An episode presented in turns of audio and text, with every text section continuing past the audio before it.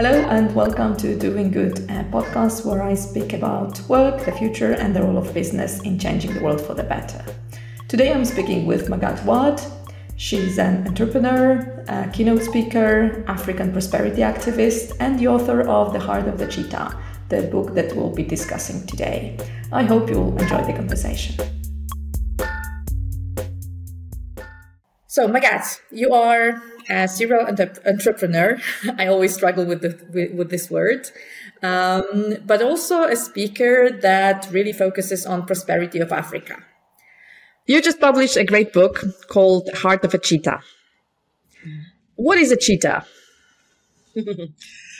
Very good question, Dobrosława. Thank you. And by the way, thank you so much for having me on. I really appreciate this opportunity. Um, the cheetah. So the reason why I called this book The Heart of a Cheetah, it, it's in reference and it's in honor uh, of for George Ayittey. George Ayittey is a Ghanaian, was a Ghanaian economist. We lost him earlier last year. And uh, so the story there is that back in 2007, during the first TED Global, because I'm sure you in Poland people know TED conferences. So it was the first time that TED, the TED conferences had a conference in Africa, and it was in Arusha in 2007. And I, along with 99 other young Africans, I was part of um, the African, the TED Fellows. We were the first uh, TED Fellows cohort. And so it was basically they went, you know, around the world and they both in Africa and outside of Africa, uh, looking for, you know, a hundred of the young Africans that they thought would definitely play a role in, you know, in Africa's future. And I guess, you know, whatever. I got, I got picked for that. And so it was my opportunity to go to TED for the first time. And there, I mean, during that conference, pretty much everybody back then in the world who had a big name was pretty much there. You had uh, the Google boys, you know, uh, Sergey Brin, Larry Page, you had Bill Gates, you had, I mean, pretty much everyone was there.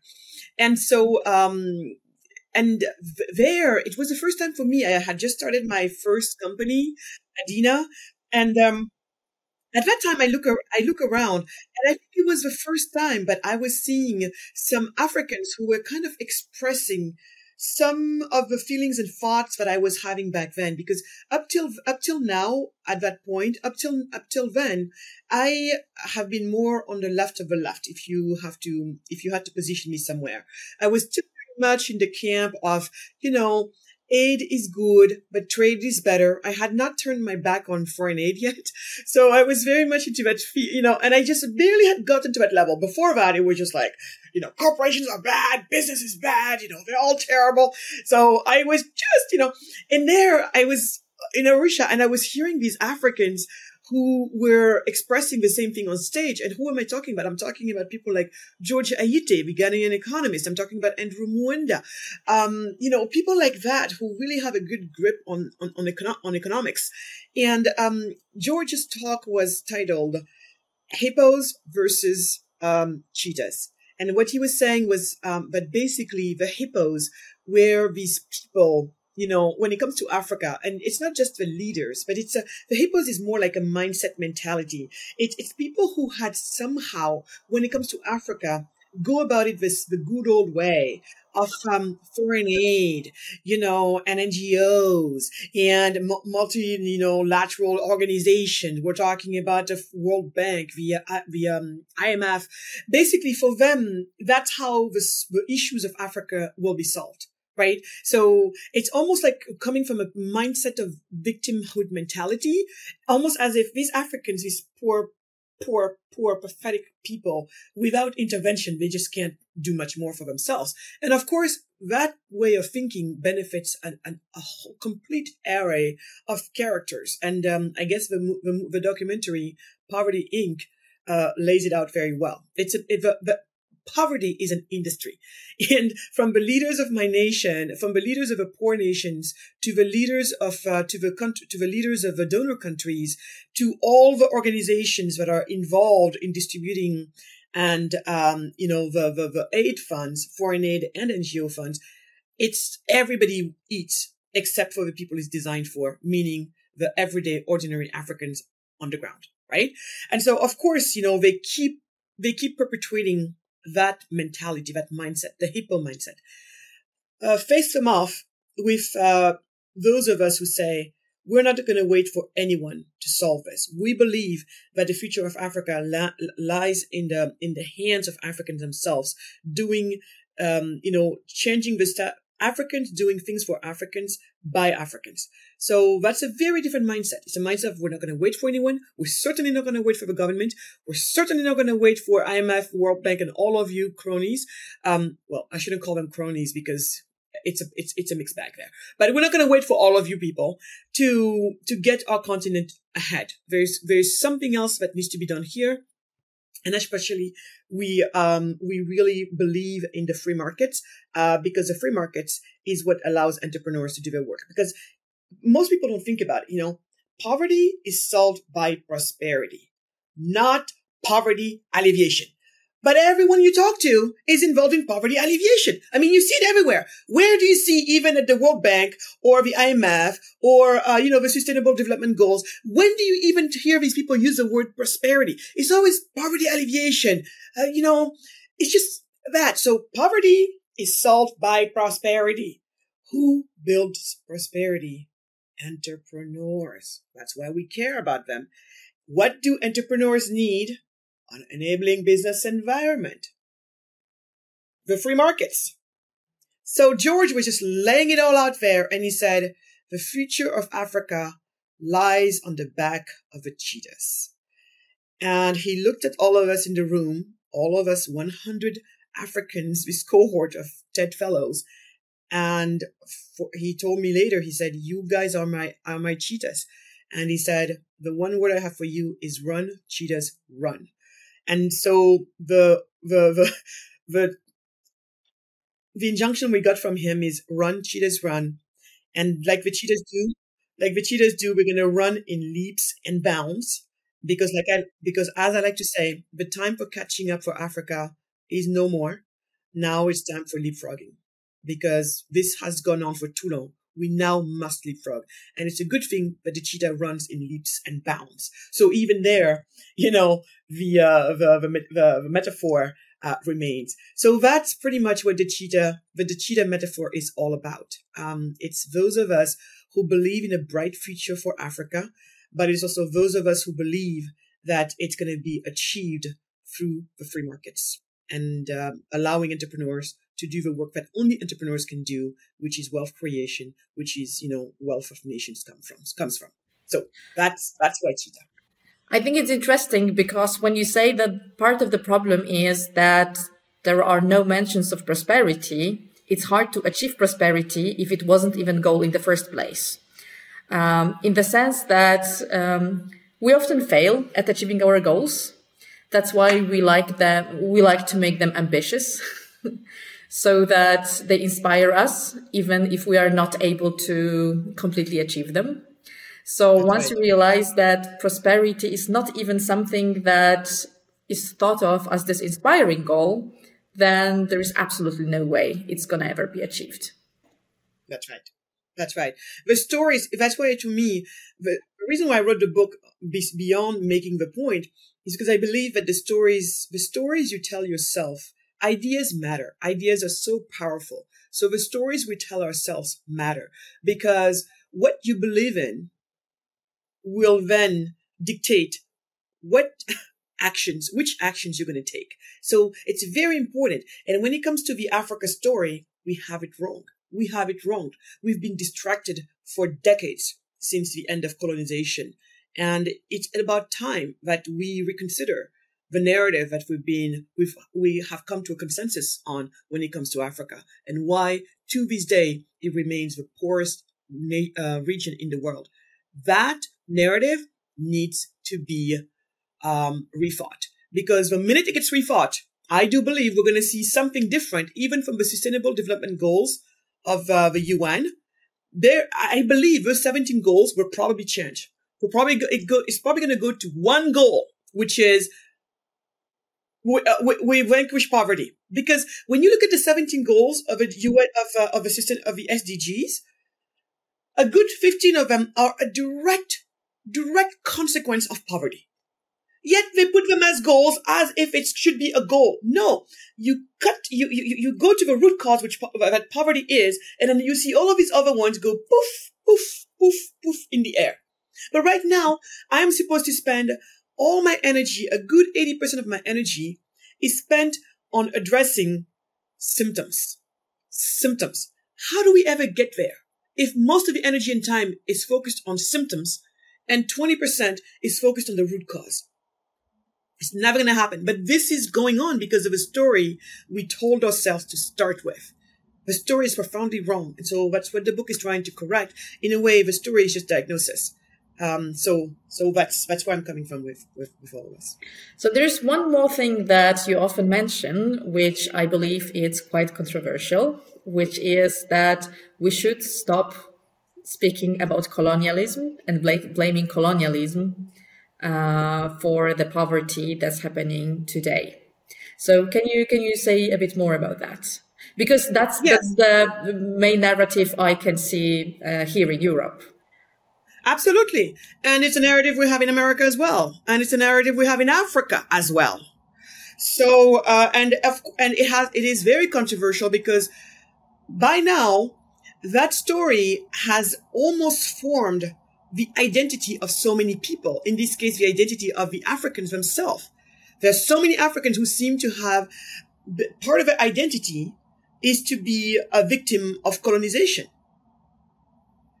has colonization, was colonization horrible? Yes. And before that, slavery, um, horrible? Yes. Is there anything that I, Magatte Wade, living in 2023, 20, now 2024, can do about it? No. right? It's still reserved. There's absolutely nothing I can do about that. Right? But you know, my great friend, uh, Bishop Omar would say, no matter what happened to you, you're responsible for what you do for you.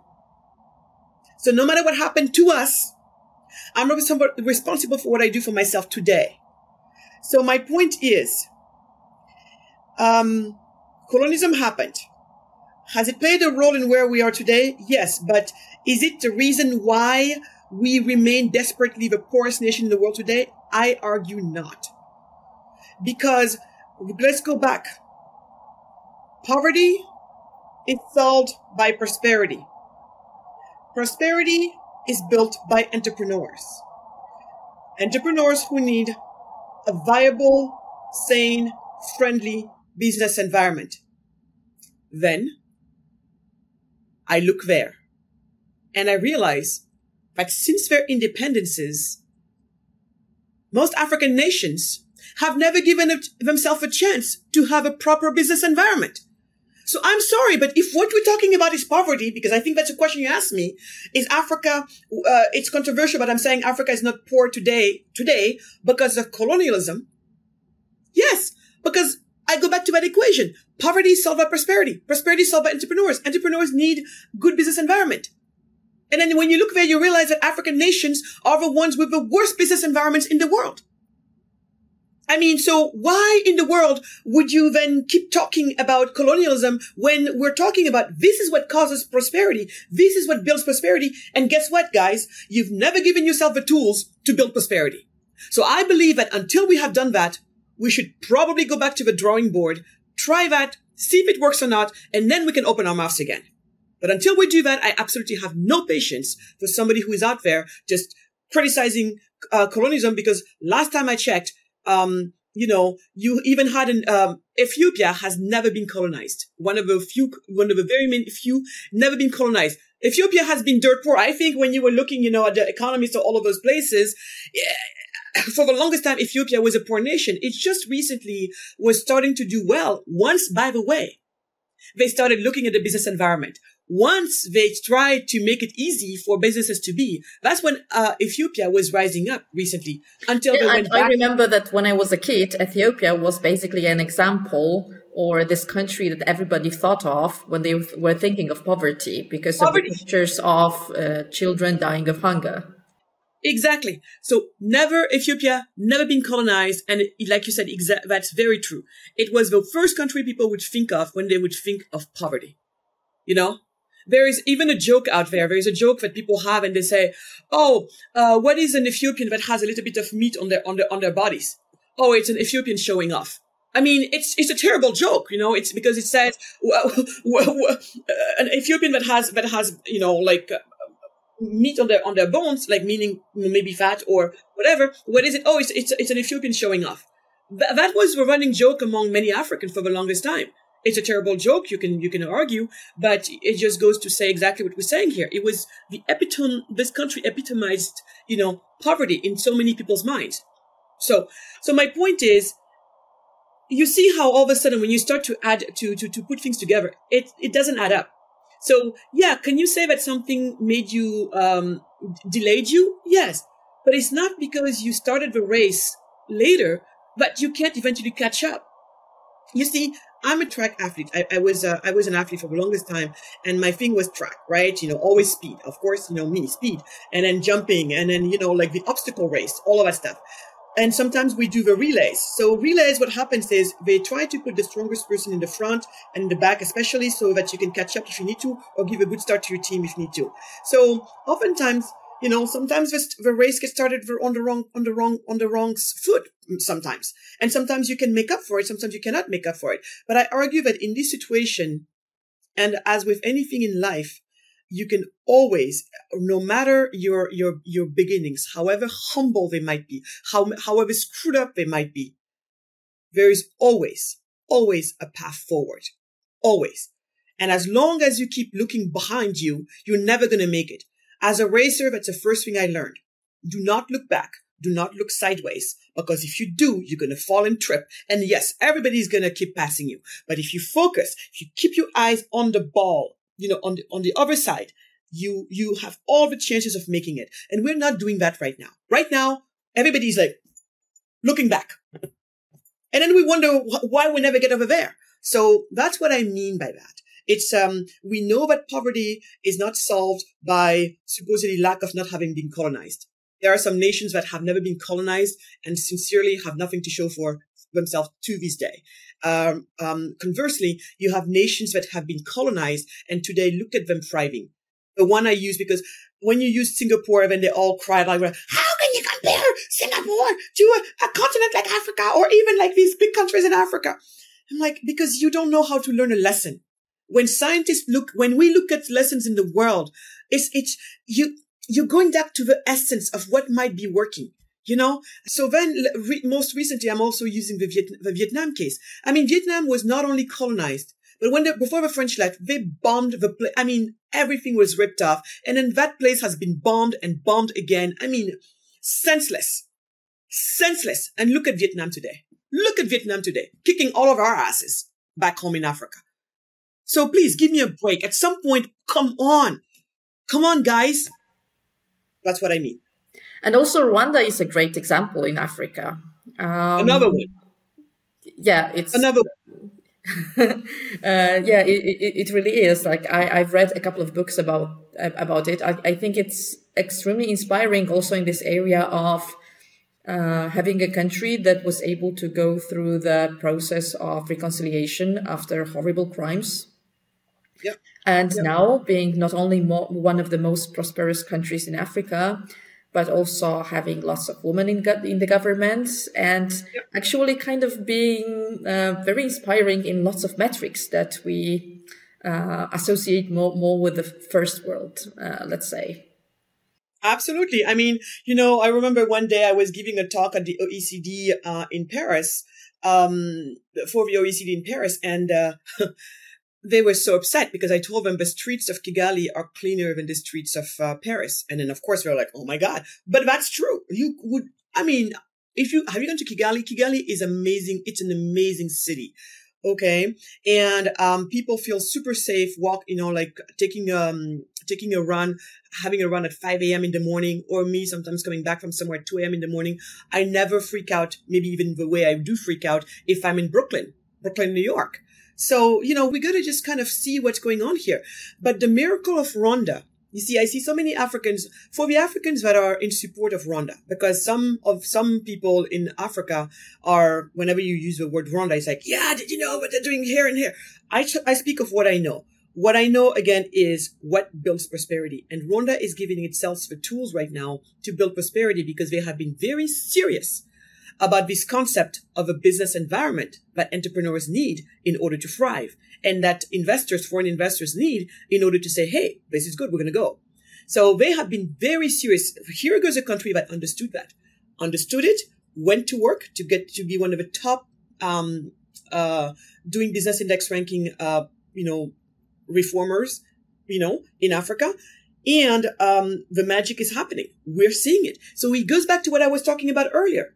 And then beyond that, you also have Botswana. Botswana has done amazingly well from um, from the very beginning because their leader post um, post colonialism, Seretse Khama, was a um, uh, Oxford lawyer trained um, you know person who came back. He was a chief of his uh, kingship, but he didn't want to be back. He didn't want to. When he came back, he didn't want to be king again. But uh, his people said, "No, we want you to lead us." So for me, I don't care if you had democracy, whatever you have, as long as it's something that the people decided. That's fine. When you come back and you are you're like this this this person, and your people are saying, "We want you to be our king." If that's a voluntary association, who are we to say, "Oh, bad, bad, you," because not democracy, right? Same thing with uh, I see stuff in all over the place in uh, in Rwanda saying, "Oh, you know, uh, fourth term, fifth term." Well, Paul Kagame modeled himself after Lee Kuan Yew of Singapore. Now, if his people are in line with that, who are you, me, or anybody else to say, you guys, uh, this is not right? To be a modern society should be a society where we have an understanding that no more than two mandates. Well, Lee Kuan Yew, when he died, I mean, his people kept, you know, asking him to stay on. And when he left, nobody had a problem with his, uh, his, his, his son, I think, is the one taking, taking over. And why is that? Is because probably he was doing, um, he was uh, taking reforms. He was basically performing in a way that the people were happy with. If they were not, trust me, people have very interesting ways of telling you we're not happy with your work. So my point is, um, this is what we have seen. The nations that have tried this, Mauritius is another one. The few nations that have been serious about um, about the business environment, you know, have seen exactly what others have seen. Have seen what Singapore saw when they did it. They saw what Vietnam seeing what they do when they're doing it. Even what China saw when they started doing it.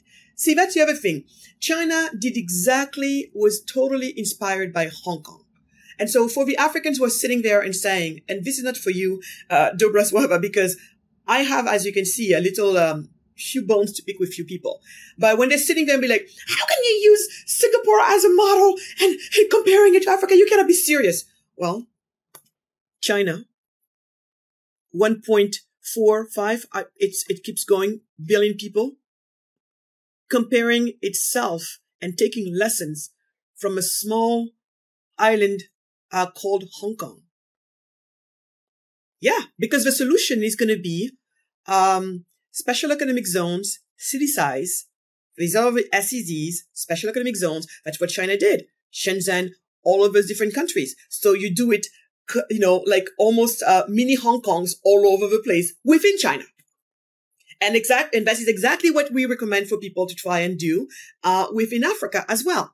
I don't think, I mean, for Rwanda is a separate case because Rwanda is a smaller country, but um, even as a small country, I still would argue do it uh, zone by zone. No need, to, because if you try to come and convert the whole country from where it's at to what these type of, uh, what a world-class business environment means, it might be hard because, you know, some, first of all, when you come to a nation, however dysfunctional that nation is, which is the case of many African nations, you still have people who have built a life on that chaos. Right? So if you come and you want to change everything from one day to another, you're surely going to have people fighting you. You're going to have the oligarchs of your country. You're going to have all the crony businesses, all of those people, and they're powerful. They're powerful because they're also in cahoot with the government. So it's really hard to come in and say from one day to another, all the rules are going to change because A, you're going to have the people who are benefiting from the current status quo are going to be against you because you're threatening them directly. You're going to have a people themselves who stand to, to, to, to gain the most from the improvement, yet they will fight you tooth and nail. Why? Because us humans, for the most part, don't like change. We don't. We don't. You know, remember the Facebook days? Whenever Facebook comes up with a new change, everybody was threatening to leave. But then after a few months, if you take it away, they're like, oh no, this is staying. You see? But eh, it was a little bit of friction at first. But if you try to force people it's it's going to be problematic. Um, and then last but not least, um, is the fact that it's one thing to change the, uh, all of these reforms. Reforms mean laws or removing some regulations. Uh, in, in the case of many African nations who are Francophone nations like mine, Senegal, if you're going to be serious about having a world class business environment, because this is the other thing we need to understand. In 2024, and it started before 2024, we all belong to a global world. And talent and capital, uh, people, countries, nations are fighting for talent and capital. And talent and capital, when it's looking at where it's going to go deploy itself, it looks at the whole world because the whole world is its oyster. It doesn't, it's not limited to, oh, where can I go in Africa versus where can I go in Asia versus where can I go in, in Europe versus where can I go in, um, in, uh, in the Americas. It looks around the world and is thinking about the best place for it, for it, for itself, for the capital and the, and the, and the, and the talent that they're about to deploy. So Africans need to remember we are competing in a global world.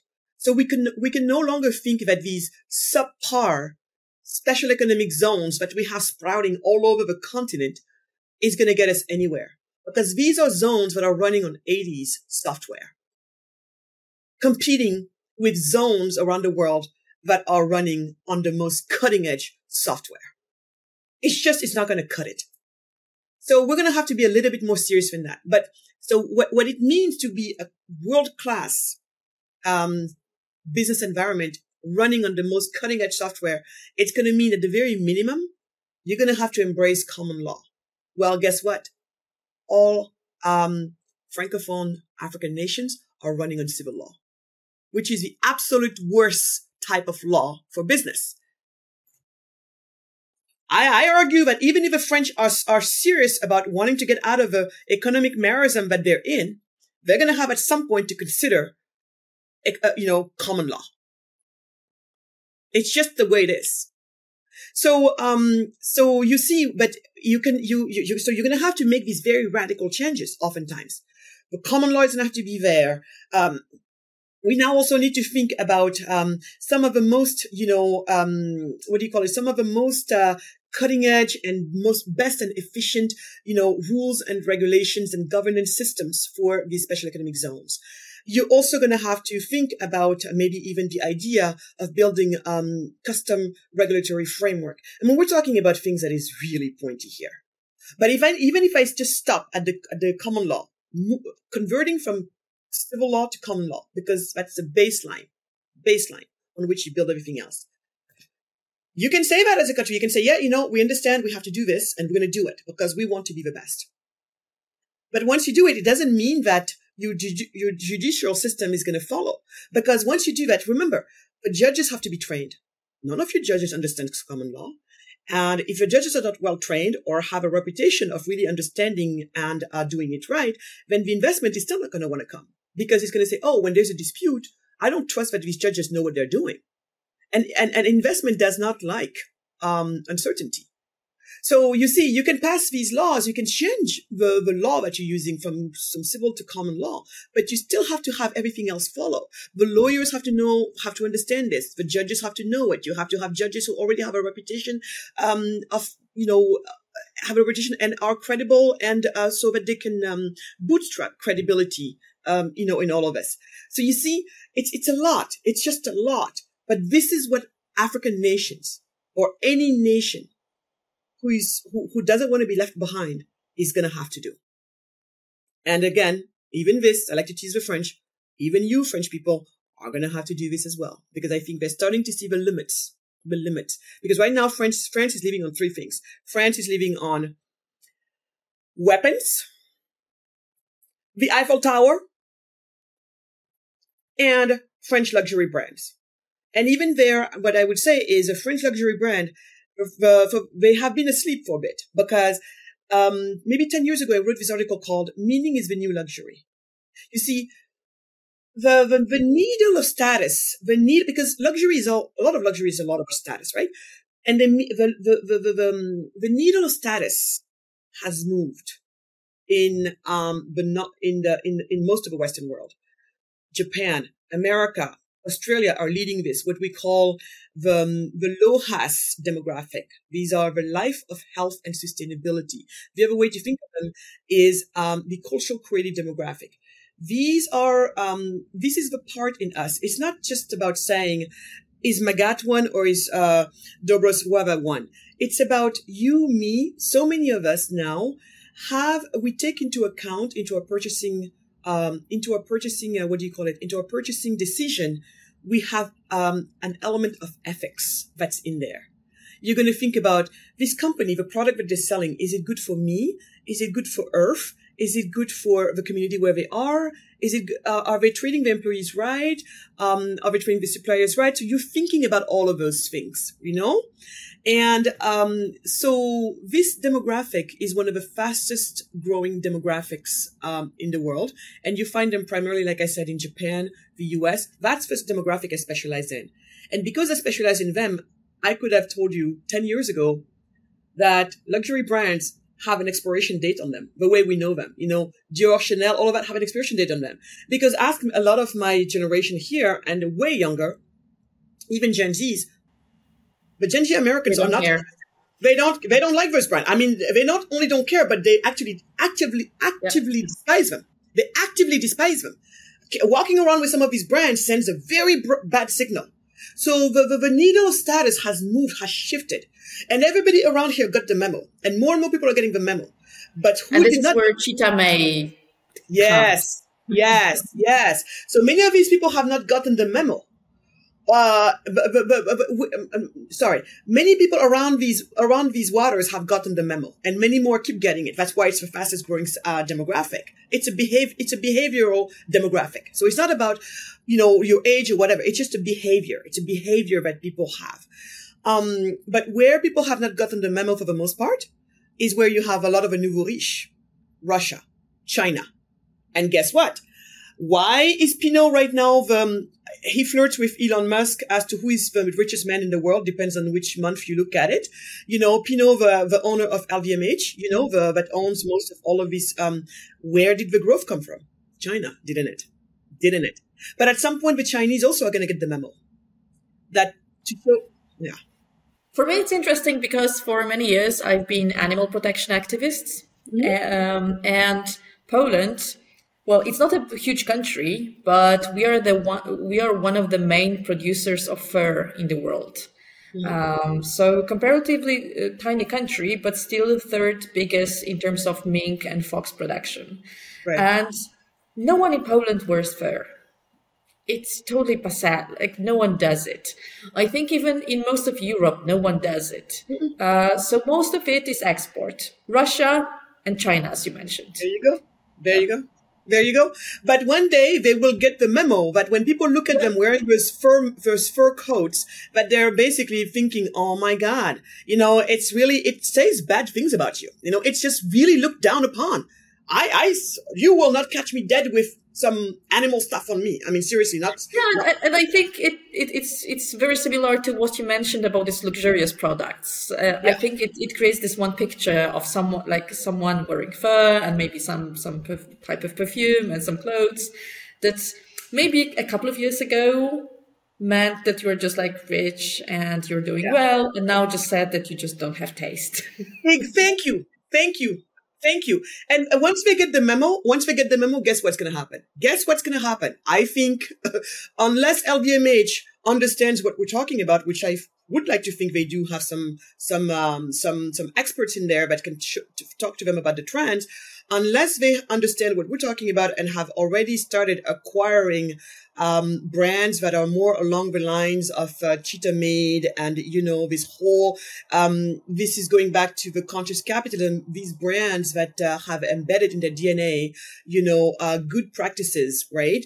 So unless they already have started buying brands like that in preparation for when their last frontier customers, you know, catch on with, oh, you have no taste when you're doing this, um, their stock is going to go way down. Going to go way down because the, the, population, we have just left those waters. We just have left. So that's where I was coming from. Um, that's that's pretty much what I was, you know, that's what I'm seeing. And uh, so I I I saw it a long time ago, and it was so very interesting. I'm seeing it, and right now they are like all excited because oh yeah, we're still making a lot of money. Good, good, good for you, good for you. But just know that there's an expiration date on that as well. So and uh, for me, I'm trying to prepare my African friends um, to kind of um, be exactly where things are going to be at. you know, and where things are going to be, it's going to be at Cheetah Made. Cheetah Made. Um, in this case, Cheetah Made means African products made in Africa by Africans. Um, this is the way that people are going to be able to show that, uh, yeah, there are people who, you know, who have a better understanding of the world. And, um, you know, the other day I saw somebody posting, you know, it's funny because you have so many folks who I, I don't know, sometimes some people you, I don't know. So he emailed, he's like, not emailed, but on my, on my YouTube. He's like, well, Africa, never going to be as productive as the Chinese. And uh, whatever product they make is going to be always going to be better quality than yours. And no, so therefore they're always going to be ahead of you. And uh, whatever, Africa's never going to make it. I'm like, ooh, keep talking, buddy because what you don't understand, I they're right there. You're telling me that you totally don't understand the world of um, the world of consumer brands and the world of uh, consumer goods and how us consume how us people consume. You know the fa- the reason why I can command a premium on my price, and then oh yeah, and even he was saying, oh you you're gonna always gonna be too more much more expensive than the others is because you know but, but and I'm like you don't understand that um this concept of handmade, especially for skincare, handmade small batch that is real luxury. That's the, that's the luxury. Not the stuff that goes through the, the machines, you know, spitting out a million, you know, lip tubes, uh, uh, or lip balms a, a day. And then, you know, just no human touch for the most part. But here people are loving, they're loving our handmade story, hand poured, you know, um, all natural ingredients, even the, the, the scents that we use are custom made for us uh, by a small, um, by a small fragrance house down in the south of France, where they all the all the fragrance that they make comes from the botanicals that they grow on their property, you know, and all distilled old time. There's, there's, people are going back to that. I think we have gone too far. The, the pendulum has gone too far one end. And now this is how you differentiate yourself. So handmade, hand poured, small batches, always as fresh as possible, better for you skin, all of that stuff. That's where the game is at. And we command such premiums and people are willing to pay for this. Nobody's putting a gun to their, to their, to, to, to their, to their, um, to their head. They're doing this because that's where they see the value because people are tired of, um, products that are full of chemicals that get them sick or women who find out that they have all of this breast cancer because of a lot of these, you know, skincare products that we use, you know? So, so this is for me where the, where the, the, the promise is. Uh, and we, we Africans are uniquely positioned to provide these goods to the rest of the world. And we just have to make sure that we do it 21st century style. We, we must be the absolute best in packaging, in branding, in storytelling. I mean, we don't want anybody to buy pity. No, no, no, no, no. We're going to bring you the best the world has to offer. We're going to bring you things that you didn't even know existed. And we're going to do it in a way where you're just like, whoa, you're just like dazzled, dazzled. So no more of a pity crap story of buy from, from us. So, you know, we have a life. Uh-uh. That's not us. Well, you're going to have fun doing business with us. That's the promise Cheetah Made. And that's the really the, the mindset that I want to open in my fellow Africans.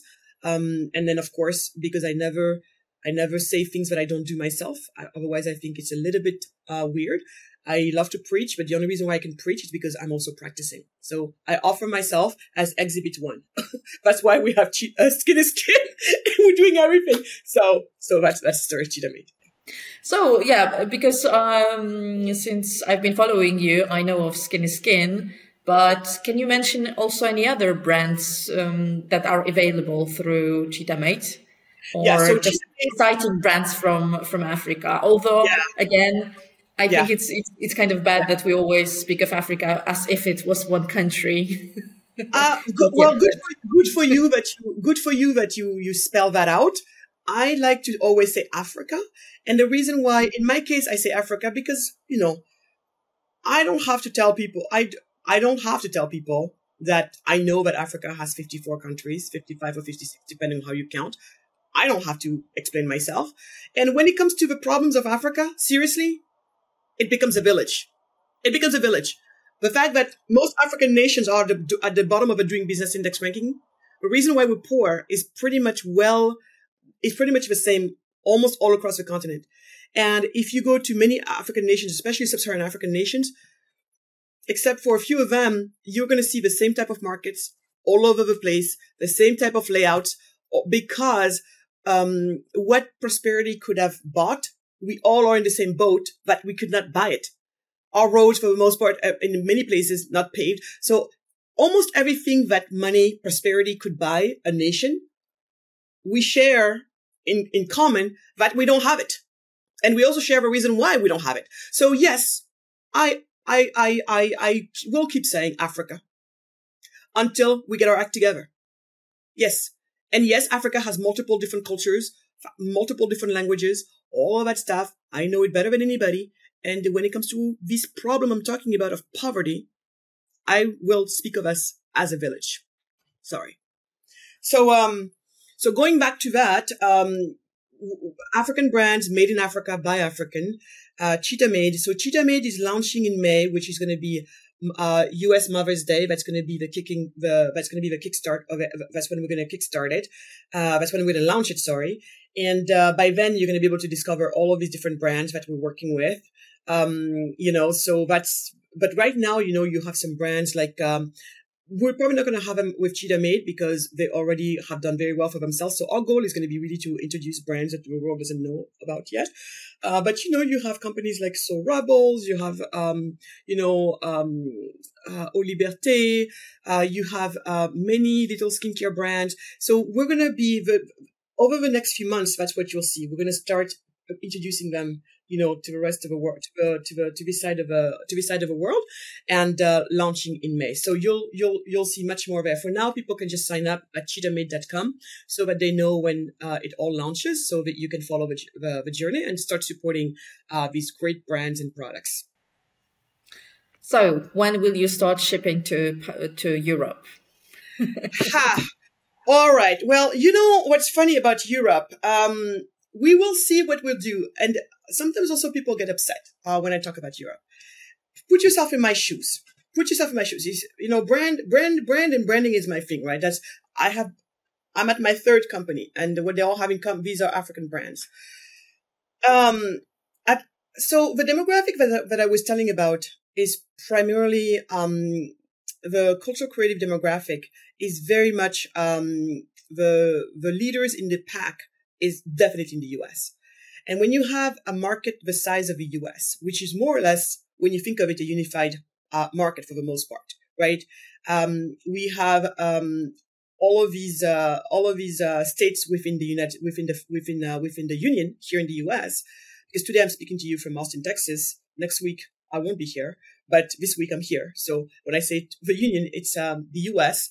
Um, so you have all of these different states in the US, but what's nice is you can ship easily unless you're dealing with some specific products which we honestly nothing- i feel like you don't have to explain it to me in the sense that uh, you know all the uh, plant-based uh, you know um, alternatives to meat uh, revolution also passed of yes. Europe and when they directly, you know, yeah. trying to sell in Asia.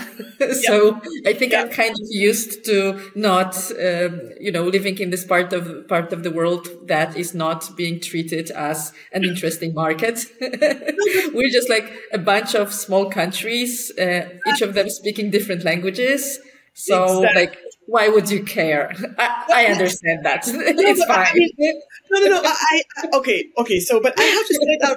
But I have to say it out loud. And the reason why I'm saying it out loud is for those in the back. You know, for me, those in the back is always the same. Remember, I told you those in the back who are still stuck in this victimhood mentality and blah blah blah. The world is the way it is. And I'm sorry, but a lot of Africans, uh, especially francophone Africans, for them the world is France. It's like France, France.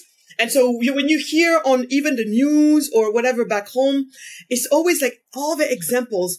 It's like France. So France is the, the, ah, oh, that's, that's basically the stars. Remember when you said reach for the stars? That's the stars. And I'm like, oh my God. If France is the stars, you are really not looking high. Because in the, in the grand scheme of things, seriously, France is like your ultimate destination. So I have to say this. When you're for me if you're starting a brand and i say this to my to my friends who are even in france i tell them leave france. Come here. Come to the us because have you noticed? Dobrosława tell me a brand that was built in france within the past 10 years that has conquered the world? 10 years, or even I give you 15 years. A very good question. Because, and then US, when you start to think of US, you have companies like Facebook. It's a little bit more than 10 years, but that's why I said 15. I mean, you have all of these companies. Now, you know, OpenAI. OpenAI, ChatGPT, all of that stuff.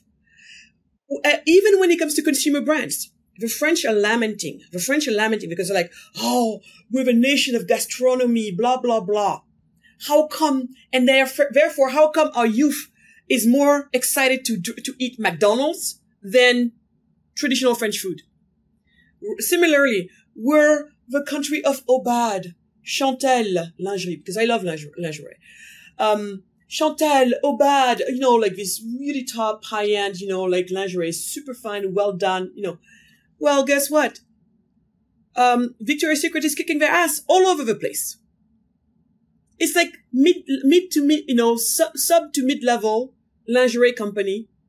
Nothing really special about it, but that's what the young French people want to consume. Aubade has never made it to the US big. Most people here don't know Aubade, except for people like me or like that who came from France. Maybe that's why. Aubade never made it. Chantelle never made it. They never made it. Never. So African, uh, American brands keep, keep kicking their asses. Because America really is still the best when it comes to branding.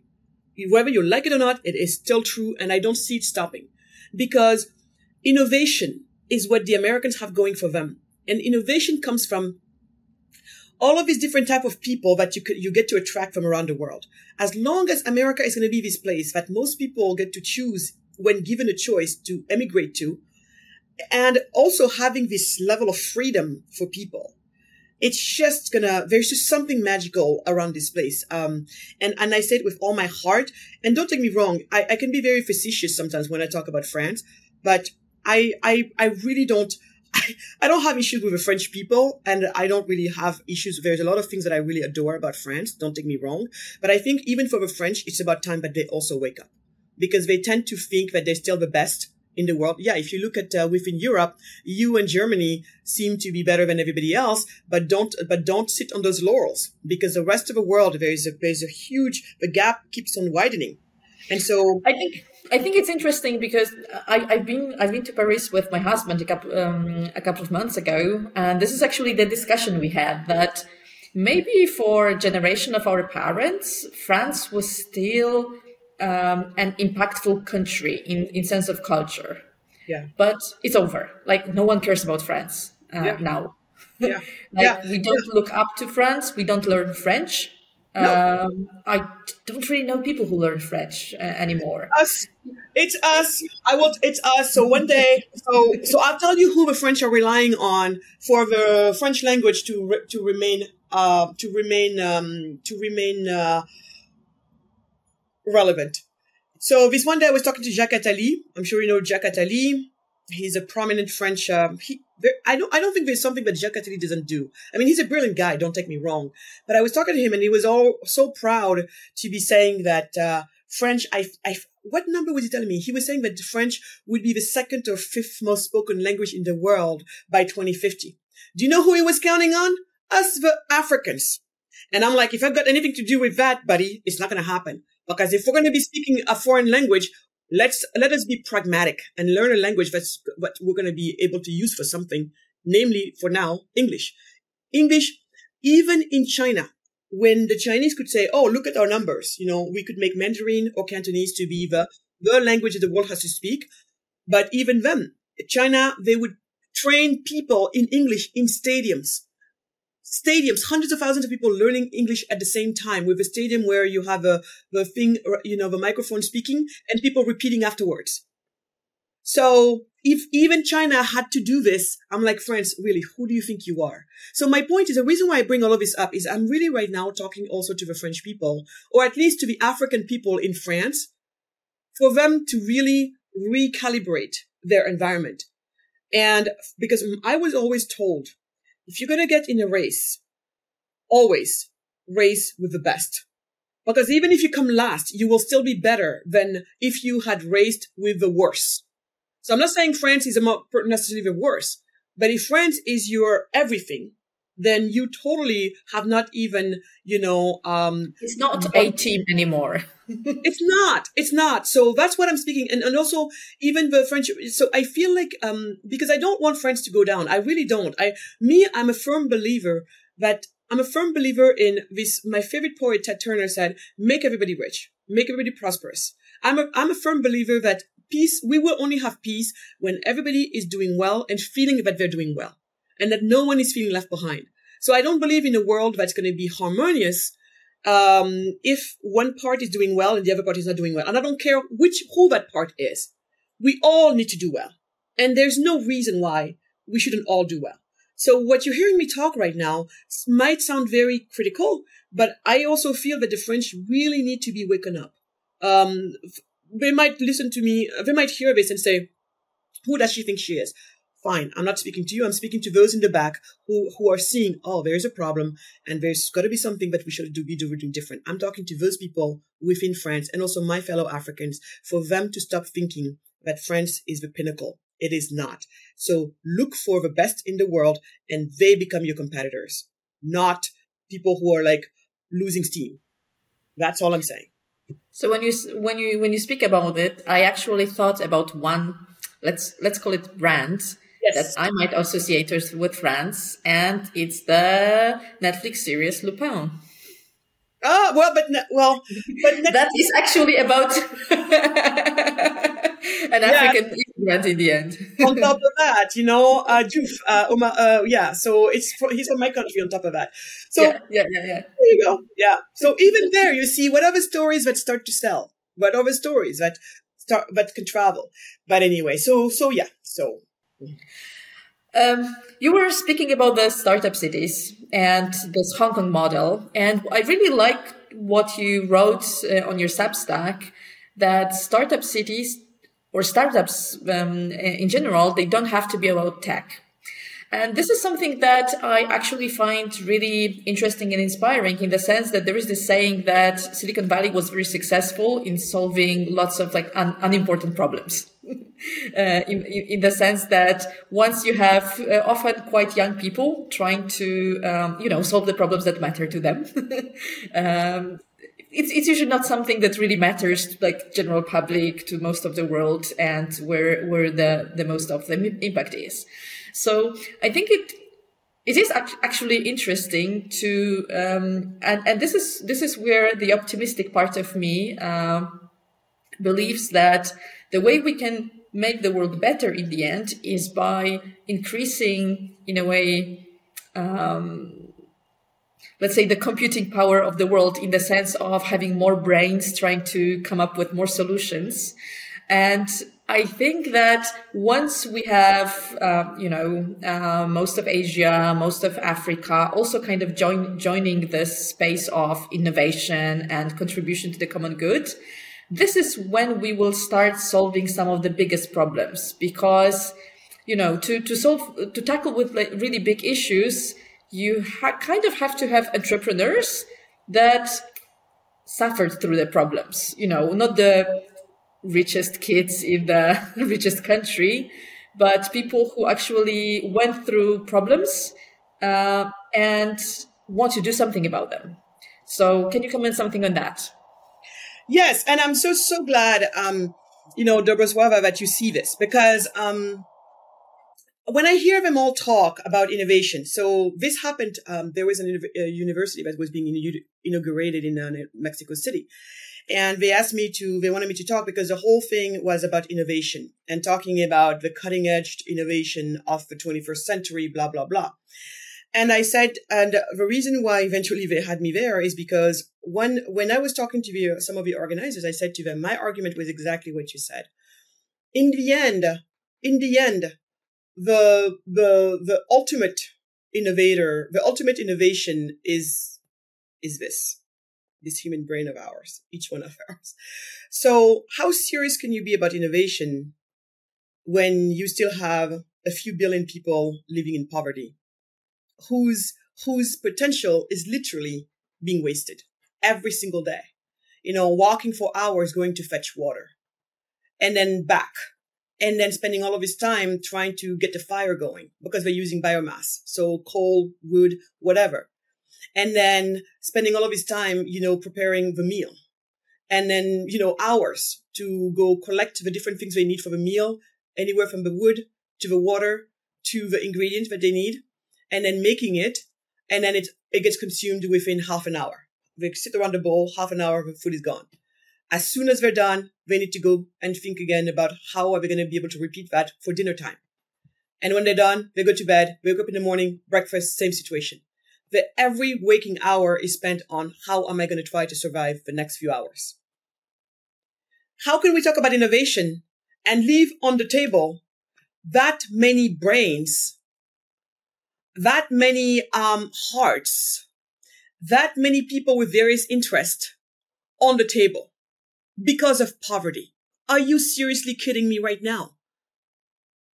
I say, because you know me, I'm all about max, about optimi- optimization always. I think that's a smarter thing to do. I don't believe in working hard. I believe in working smart. So you want to work smart in this situation, you unleash these few billion people and you just get, you just let them also join the, the party of uh, innovation with the rest of us and then it's gonna it's gonna it, our innovation rate is just gonna skyrocket be multiplied um, so that's what i that's what that's why for me the startup cities so startup cities going back um, what i explained earlier the best way to think of them is that these are next generation special economic zones that have their own law, have their own governance, and also have custom regulatory framework.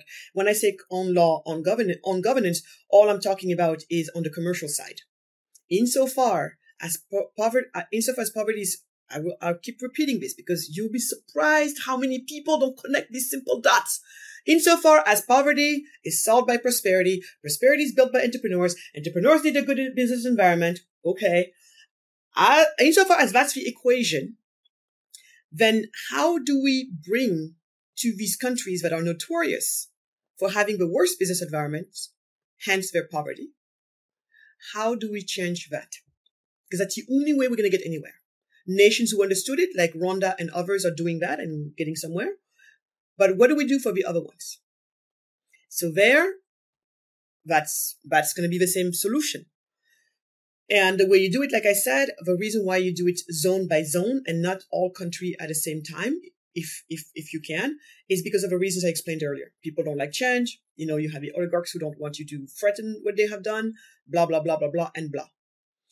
So here, the best way for people to think about startup cities and what it is all about, think about the, the country. Um, so in a country, in, in a country that has some of the worst business laws in the world right now, this is most African nations, especially sub-Saharan African nations. The goal is going to be for you to see if you can create an enclave where that is not the case anymore. An enclave where you where on this plot of land, and usually we pick a land that's rather unoccupied, so you don't have issues of expropriation and all that stuff. They took our land, blah blah blah. You don't want any of that stuff, so you go to a place that's rather unoccupied, which is even better because clearly people have voted with their feet. They're not here. They're saying this place is worthless. That's why we're not here. So we go there, and we say, okay, we'll show you. And so there, that plot of land, you work with the government so the government can say, okay, here we're gonna we're gonna give ourselves a chance to start over. We're gonna give our chance a, a chance uh, a chance to start over and see if it works. If it works, then maybe it's gonna be our the rest of the people who are gonna want it who are gonna say yes. But let's just try. So here, all the things we know to be to to to to to to, to be cumbersome that the rest of the country has when it comes to, to business laws, we're gonna change. So again, I insist on the, on the commercial side of it. We're not touching, because some people might be like, oh my God, see, it's a country within a country. No, no, no, it's not a country within a country. We're not touching anything that, that touches the sovereignty of a nation. You're not touching immigration law.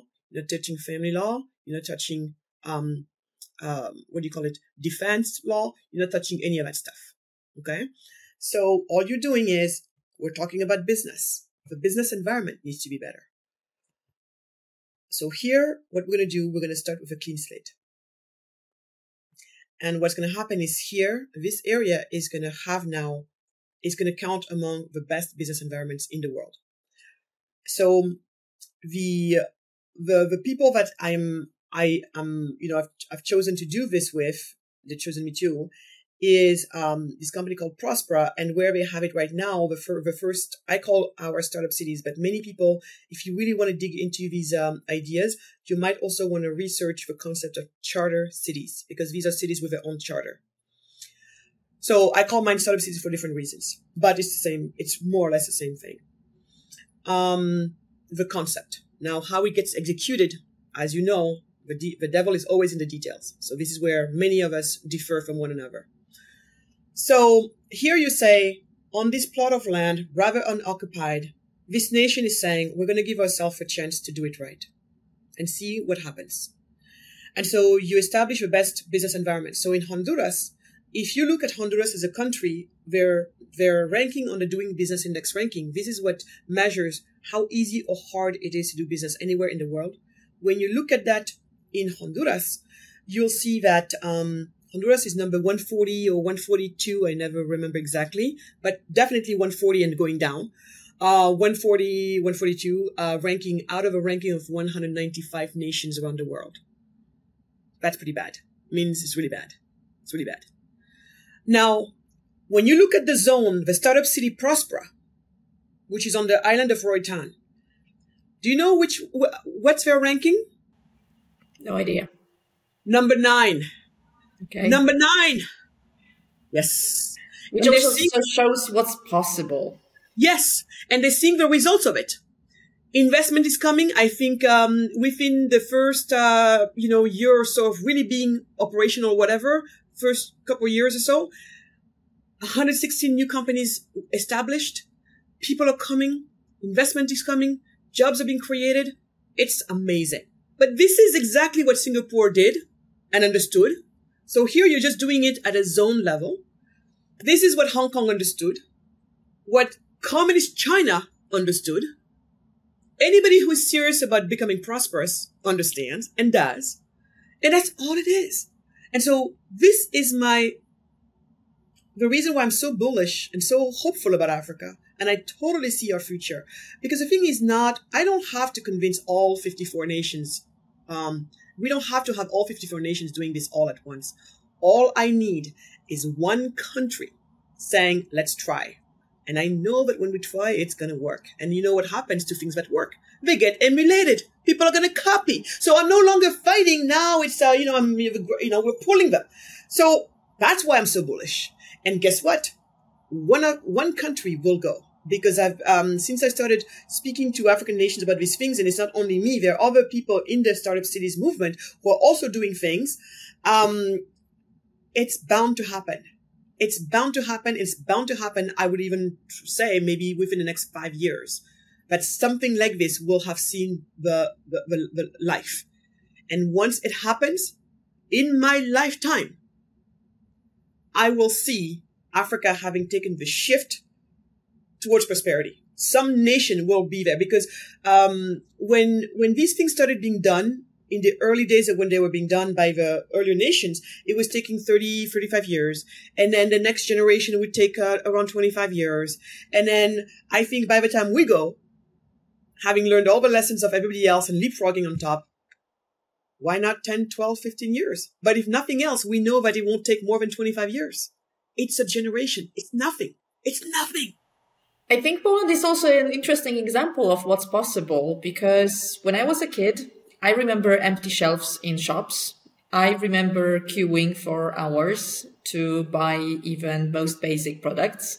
Uh, I remain, remember parents having cards to be able to buy sugar or coffee because those weren't available. And this is what communism looks like. So, uh, for, for me, it's always funny, let's say, when, when you, when you see, especially people in Western Europe being very excited about communist ideas. Mm-hmm. And nowadays, po- Poland is among high income countries. Um, yes. Yes. Yes. So yeah, this is this this is something that yes, it did happen um, during my lifetime, and I'm not even that old. yeah, that's what I was gonna say. That's what I was gonna say. So that's why I'm saying. That's why when you see me so bullish on Africa, it's why. But it's also a reason why you will hear me shouting from the rooftops that Africa is not poor today because of colonialism. I need to give that electroshock to my to people so that they can be like, oh, wait, wait, what? Because then maybe they can hear a different story. And once they latch onto that story, everything becomes easier. Everything becomes easier. Because even as I'm talking to these countries, you know, these, these leaders of these countries, trying to, you know, show them why this idea, why this, this, this would work, it only can help if you also have the people at least also being on board with it. But if they're trying to do this, everybody's against it because they don't understand or they're still stuck on, oh, colonialism. Oh, we have to do protectionism. Oh, we, we, we can't compete in the global world because they're gonna just gonna come in. No, no, no, no, no, no, no. We have to have a better understanding of this. Then, then you will, you will see why this is so important, why we have to do it. And so the more people ask for it as well, the, the faster we're going to adopt this. The faster we adopt this, the fa- sooner the change is going to come. So it's we it's all hands on deck. I need all hands on deck.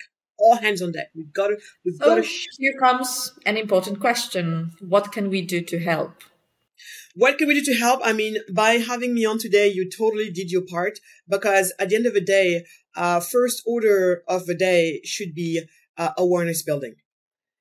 People take it for granted because especially once they hear what needs to be done, you know, like we work in the startup cities, all of that stuff. So people are like almost like, I want to be involved in this. And I'm like, if you can't do anything else, please spread the word please spread the word.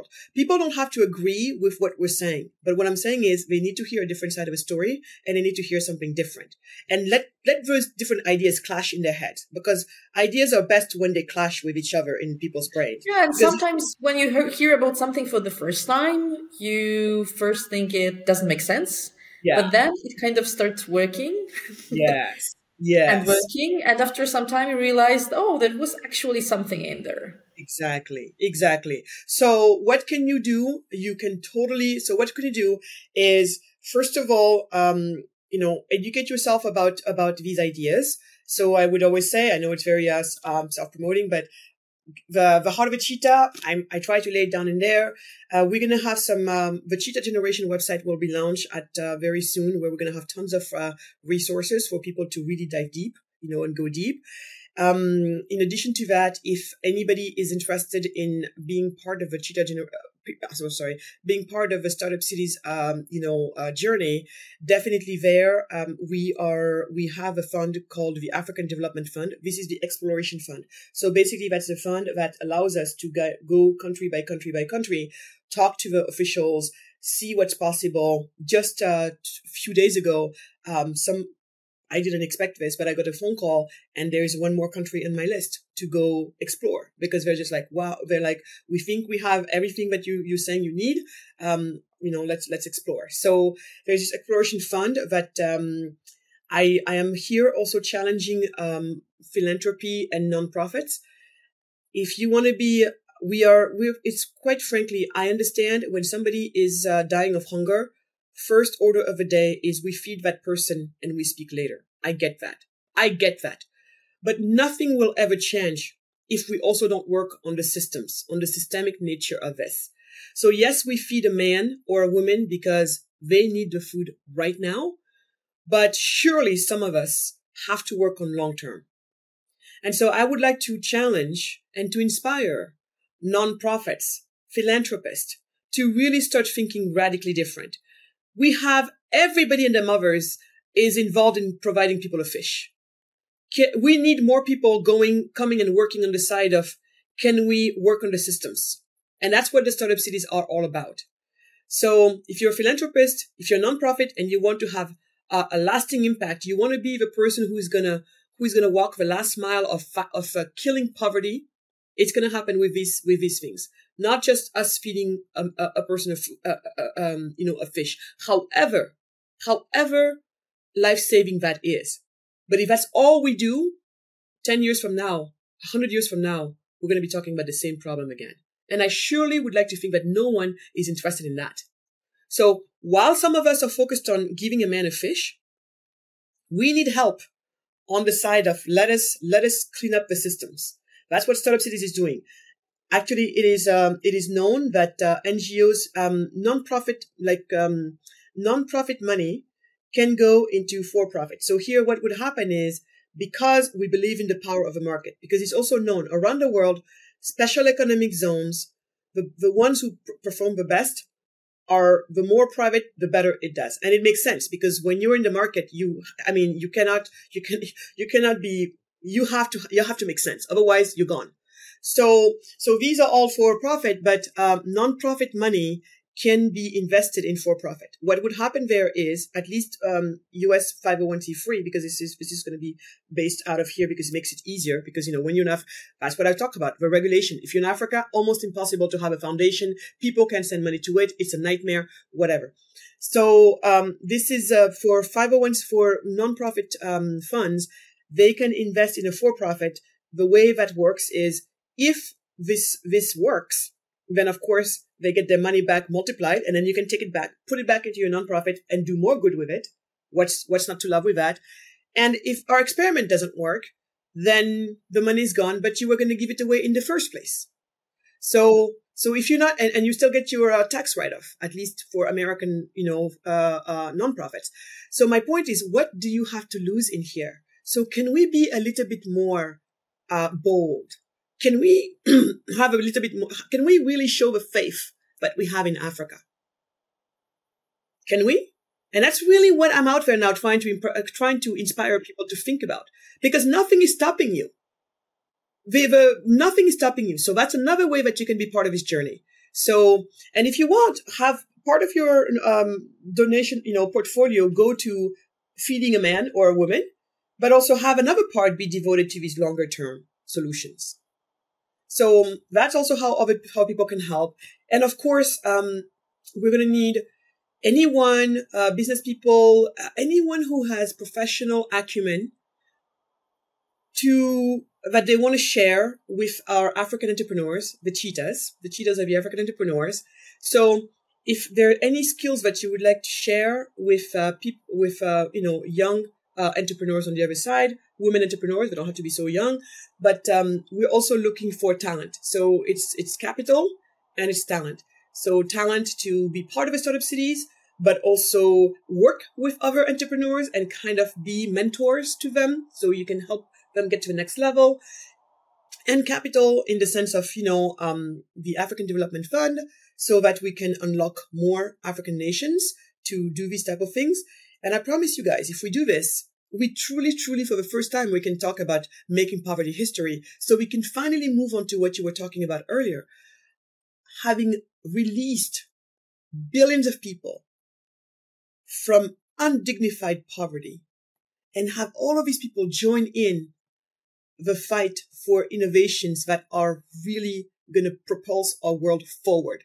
You're going to have people working on cancer. You're going to have people working on, you know, new type of education. You're going to have people, our world is going to be so much better.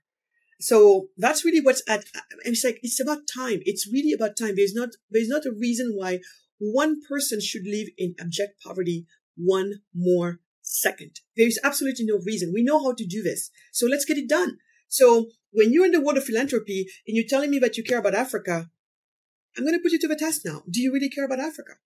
Or all it is is for us to be a feel good moment for you when you give us a fish and we eat. And uh, yeah, f- thanks to that, we didn't die, but, and it's, and it's a lot to celebrate.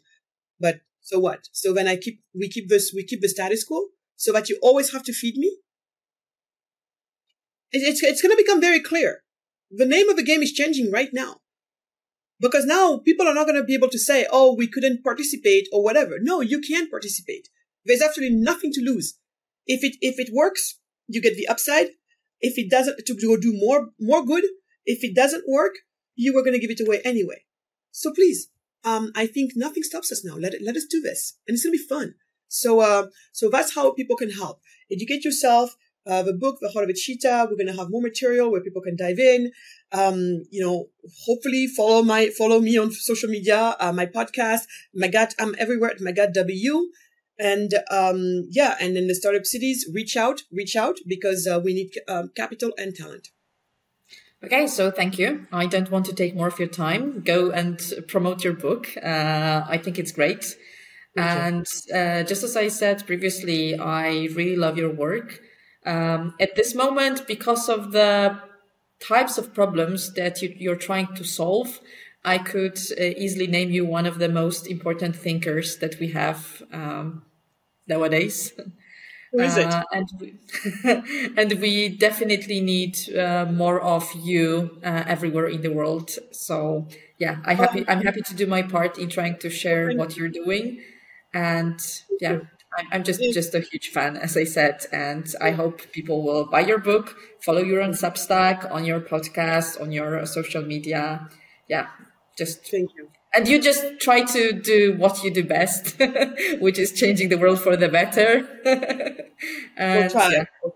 Thank you so much. I really appreciate you very much. And um, let me know if you need anything else. Okay. Thank you very much. Bye. Bye bye.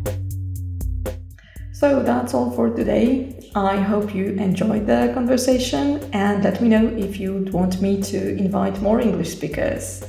Uh, let me know in the comments and please subscribe the channel. Bye.